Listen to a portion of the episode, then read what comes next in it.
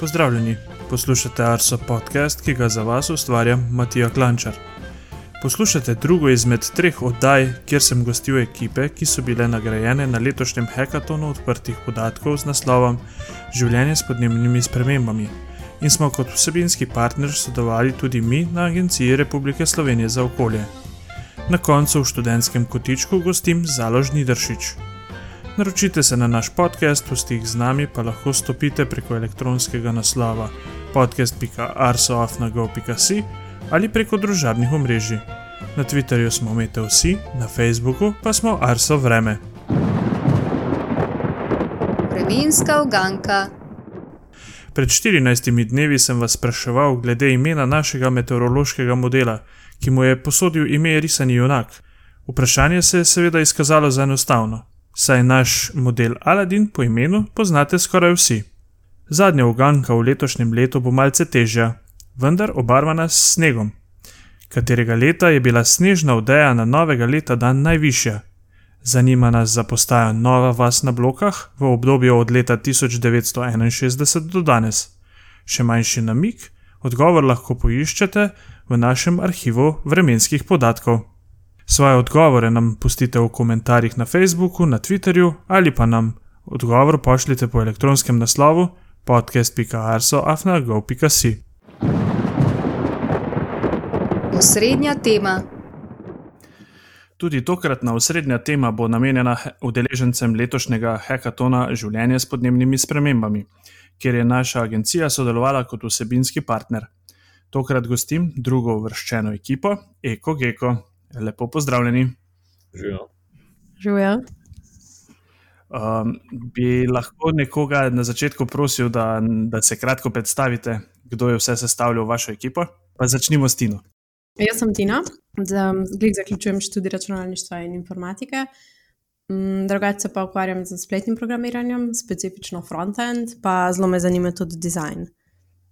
Ok, kaj pa Nina? Uh, ja, jaz sem Nina Mrzel, po izobrazbi sem magistrca inženirka računalništva in matematike. Uh, trenutno pa delam kot podatkovna znanstvenica pri podjetju Cloudflight na Dunaju. Danes z nami še Pavlin.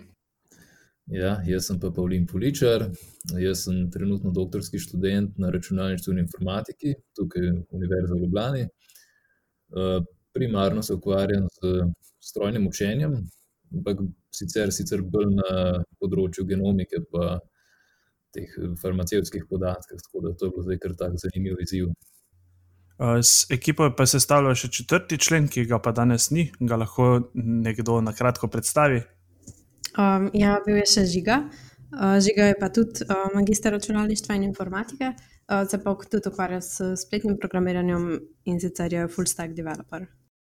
Mogoče za začetek še, zakaj ime EkoGeko, Pavlin.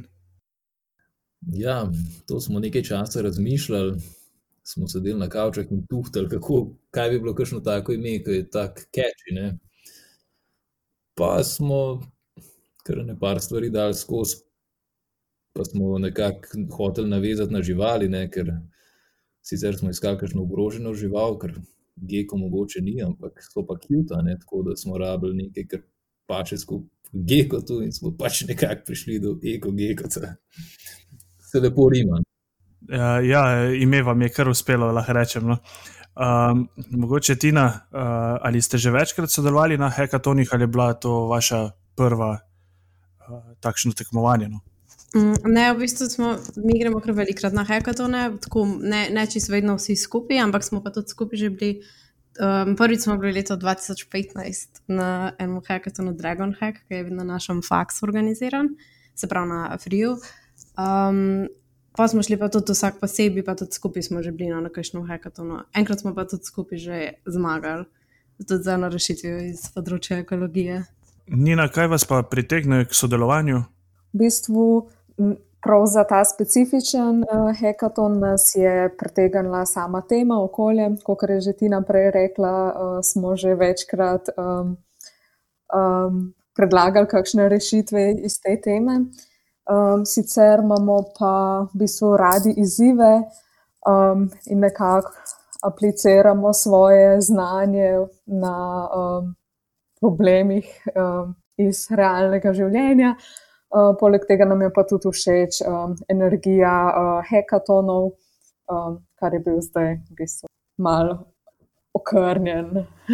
Ja, žal, žal se nismo mogli srečati in spoznati v živo, bi verjetno tudi uh, iz naše perspektive bilo to malce drugače. Um, pa, če gremo na naslednjemu vprašanju, ki sem ga danes pripravil, ste mogoče za ta hackathon že imeli kakšno idejo prej, ali da ste se v bistvu prej že dobili, pa malo predebatirali, kaj, v katero smer bi zapeljali, ali ste razvijali uh, idejo med samim tekmovanjem, hm, Tina, mogoče. Um, ja, okvirno smo že imeli idejo, oziroma imeli smo jih ene para, ne, ker si itek tudi, ko si zaparjavo, si mogel um, tako malo že razmisliti, kaj, kaj bi imel, kaj bi delal. Uh, smo pa v bistvu tudi potem na hackathon najprej v bistvu več kot pol časa se dogovarjali o tem, kaj, kako točno bomo um, to idejo izpeljali. Uh -huh. uh, Pavlin, ste imeli med samim tekmovanjem tudi uh, kakšne probleme? Ja, seveda ne. Recimo, nas je mogoče najbolj zmotilo to, da je bilo to na remote. Ne, Zdaj, to, to ne samo iz stališča, to, da bi bilo pač bolj fajn, če bi bili tam uživo, ampak recimo tudi feedbacka nimaš od mentorjev. Ne. Zdaj, če si tam uživo, ne, se tako ljudje sprehajajo okoli, pa se pač tako prihaja do takih mehkih interakcij, ki doskrat tako. Ti mrci, kaj se ti pade na pamet, ki ti sicer ne bi. Ne. In recimo, ne, to smo nekako pogrešali. Um, ja, ne vem, tako načeloma tam je bolj, če je bolj uživo, je bolj taka boljša energija, ne, vsi res tam delajo, tle smo pa mi pač na kavčih sedeli eh, doma čist uh, v popolnem obdobju in se nam je včasih kar malo zdel, um, kaj delamo. Ja, verjamem, da je čisto drugače. Sploh vi, ko ste se že v bistvu prej uh, udeleževali takšnih uh, hackathonov, um, bi morda Tina in Nina še kaj dodali uh, Pavlinovemu razmišljanju? Um, ja, mogoče, kar nam, uh, kar nam je tudi manjkalo, je to, da um, smo pogrešali druge ljudi. Um, pač, ker je bilo remote, smo bili tako osamljeni in samo naša ekipa, seveda, ampak um, drugače en, ena prednost hekatonov, ki jih drugače vidimo, je tudi recimo uh, networking, um, ki ga recimo tukaj nismo mogli toliko izkoristiti kot ponovadi. Uh -huh. Um, Tina, lahko zdaj uh, predstaviš vaš končni produkt, kaj ste sestavili skupaj in uh, kaj vam je prineslo drugo mesto? Um, no, naš produkt je mobilna aplikacija, ki je namenjena ozaveščanju in um, v bistvu spodbujanju ljudi k bolj ekološkem življenjskemu slogu. Um, predvsem pa nekako temelji na ideji, da um, so posamezniki zaradi občutka nemoči pri boju s podnebnimi spremembami nedejavni, ker um, ima vsak občutek, da sam ne more ničesar spremeniti. Zato mi s to aplikacijo uporabnikom ponujemo skupinske izzive, pri katerih lahko sodelujejo. Naprimer, pri, vem, en primer izziva je naprimer, pet let brez avtomobila, posadimo tisoč dreves in tako naprej. In v bistvu se s tem ljudje lahko združijo v skupine in vsak čist malo pripomore ali pa pač, kar si želi, um, ampak je pa vseeno en tak ve, več, večji rezultat na koncu. Um, imate mogoče namen tudi razvijati ta produkt še naprej? Ne vem, Pavlin. Ja, zaenkrat nekih konkretnih planov za to še nimamo. Ne. Dejstvo je, da pač ta hekaton je trajal dva dni čez vikend in takrat imamo pač vsi čas. Zdaj, v realnem življenju imamo pa vsi neke sprotne obveznosti. Ne. Večinoma smo redno zaposleni ali pa imamo neke svoje projekte in je to zelo težko zraven zbasati, da bi še to zdaj aktivno naprej razvijali.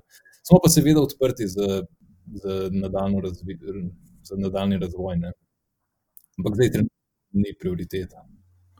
Ja, čisto razumljivo. E, tako da verjetno si že med vrsticami pol povedal, da, da nekih dodatnih ponudb strani investitorjev še ni bilo.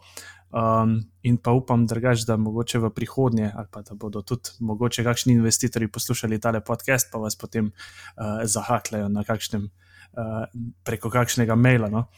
Uh, ja, mislim, da smo s tem zaokrožili in prišli do konca z našim pogovorom. Uh, naj vam na koncu tudi v svojem in pa v imenu uh, celotne ekipe Arso podcasta čestitam za usvojeno drugo mesto, pa upam, da se bodo naše poti v prihodnosti še kdaj prekrižale. Najlepša hvala za vaš čas. Ja, hvala vam. Hvala. V letošnjem letu je na meteorološki smeri Fakultete za matematiko in fiziko Univerze v Ljubljani diplomiralo oziroma magistriralo nekaj kolegov. Kratke povzetke njihovih zanimivih nalog predstavljamo v epizodah Arso podcasta. Danes je v študentskem kotičku moja gostja Zala Žnidršič. Pozdravljena, Zala. Živijo, Matija, hvala za povabilo. Uh, če se kar lotiva, uh, mogoče kakš, kakšna je bila tvoja tema magistrske naloge? Torej, moja tema magistrske naloge je bila atmosferska vokarjeva cirkulacija. Uh, predvsej se je navezovala na podnebje in podnebne spremembe, preučevala pa sem v bistvu indikatorje in trend vokarjeve cirkulacije v 20. in na začetku 21. stoletja.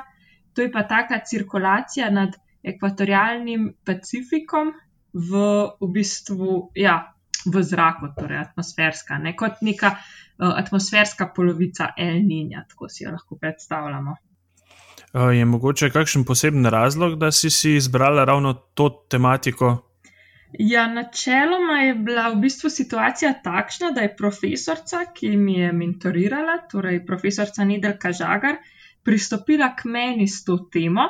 Um, je pa res, da je tudi ona vedela, da me predvsem to področje zanima, tako da um, je pred, pristopila, je predstavila in jaz sem se odločila za to, ker mi je bilo seveda zelo zanimivo.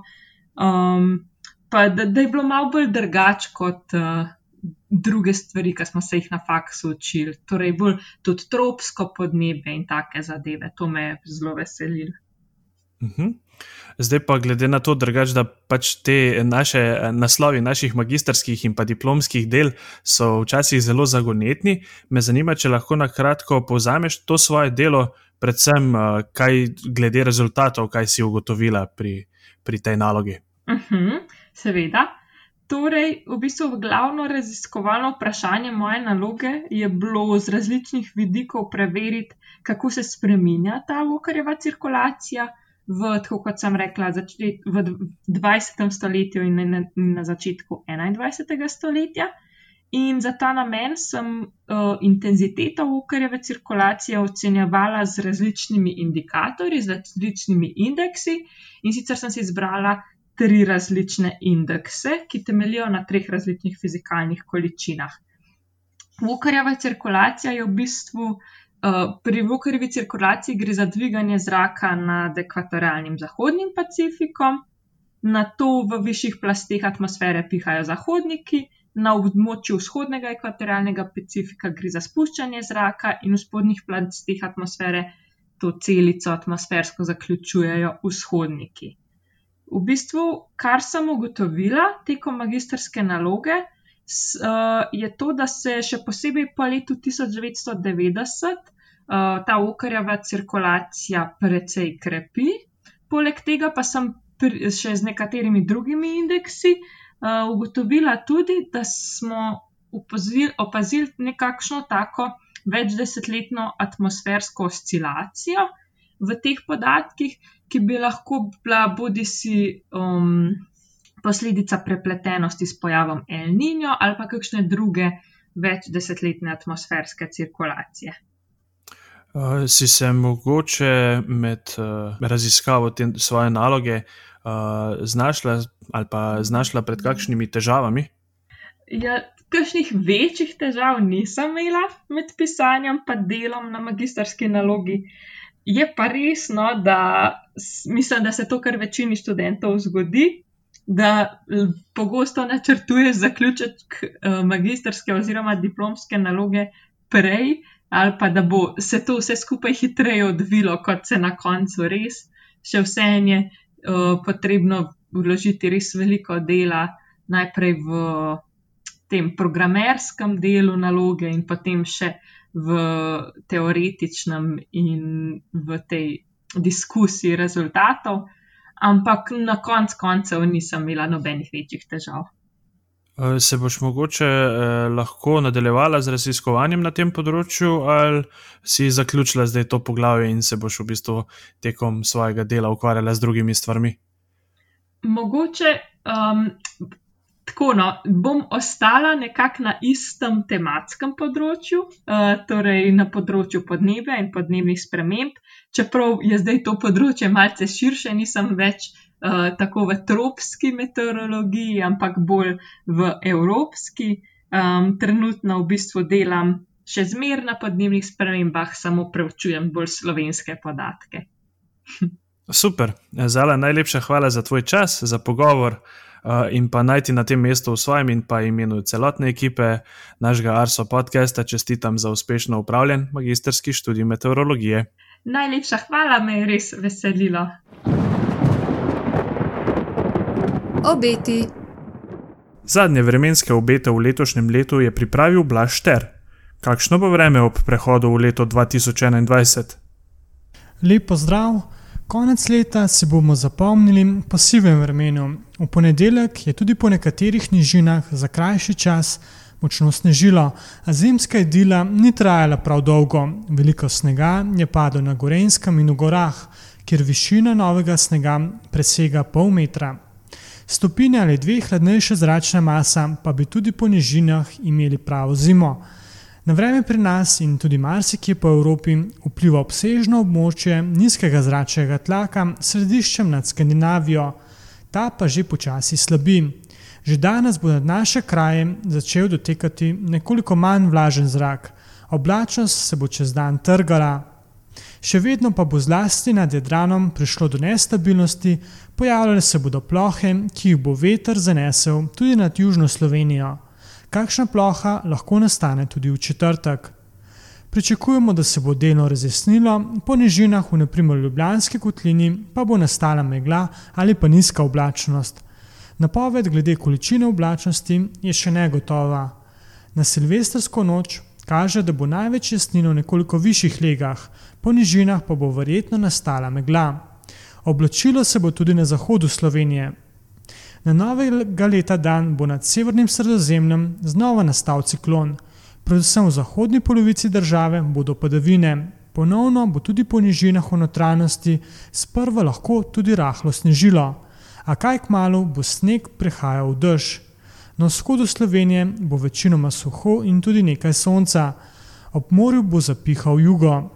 Tudi ob koncu tedna bo oblačno in deževno, manj padavin bo na vzhodu, snežilo bo le v gorah in tudi v nekaterih alpskih dolinah, ki lahko ponovno zapade precej snega.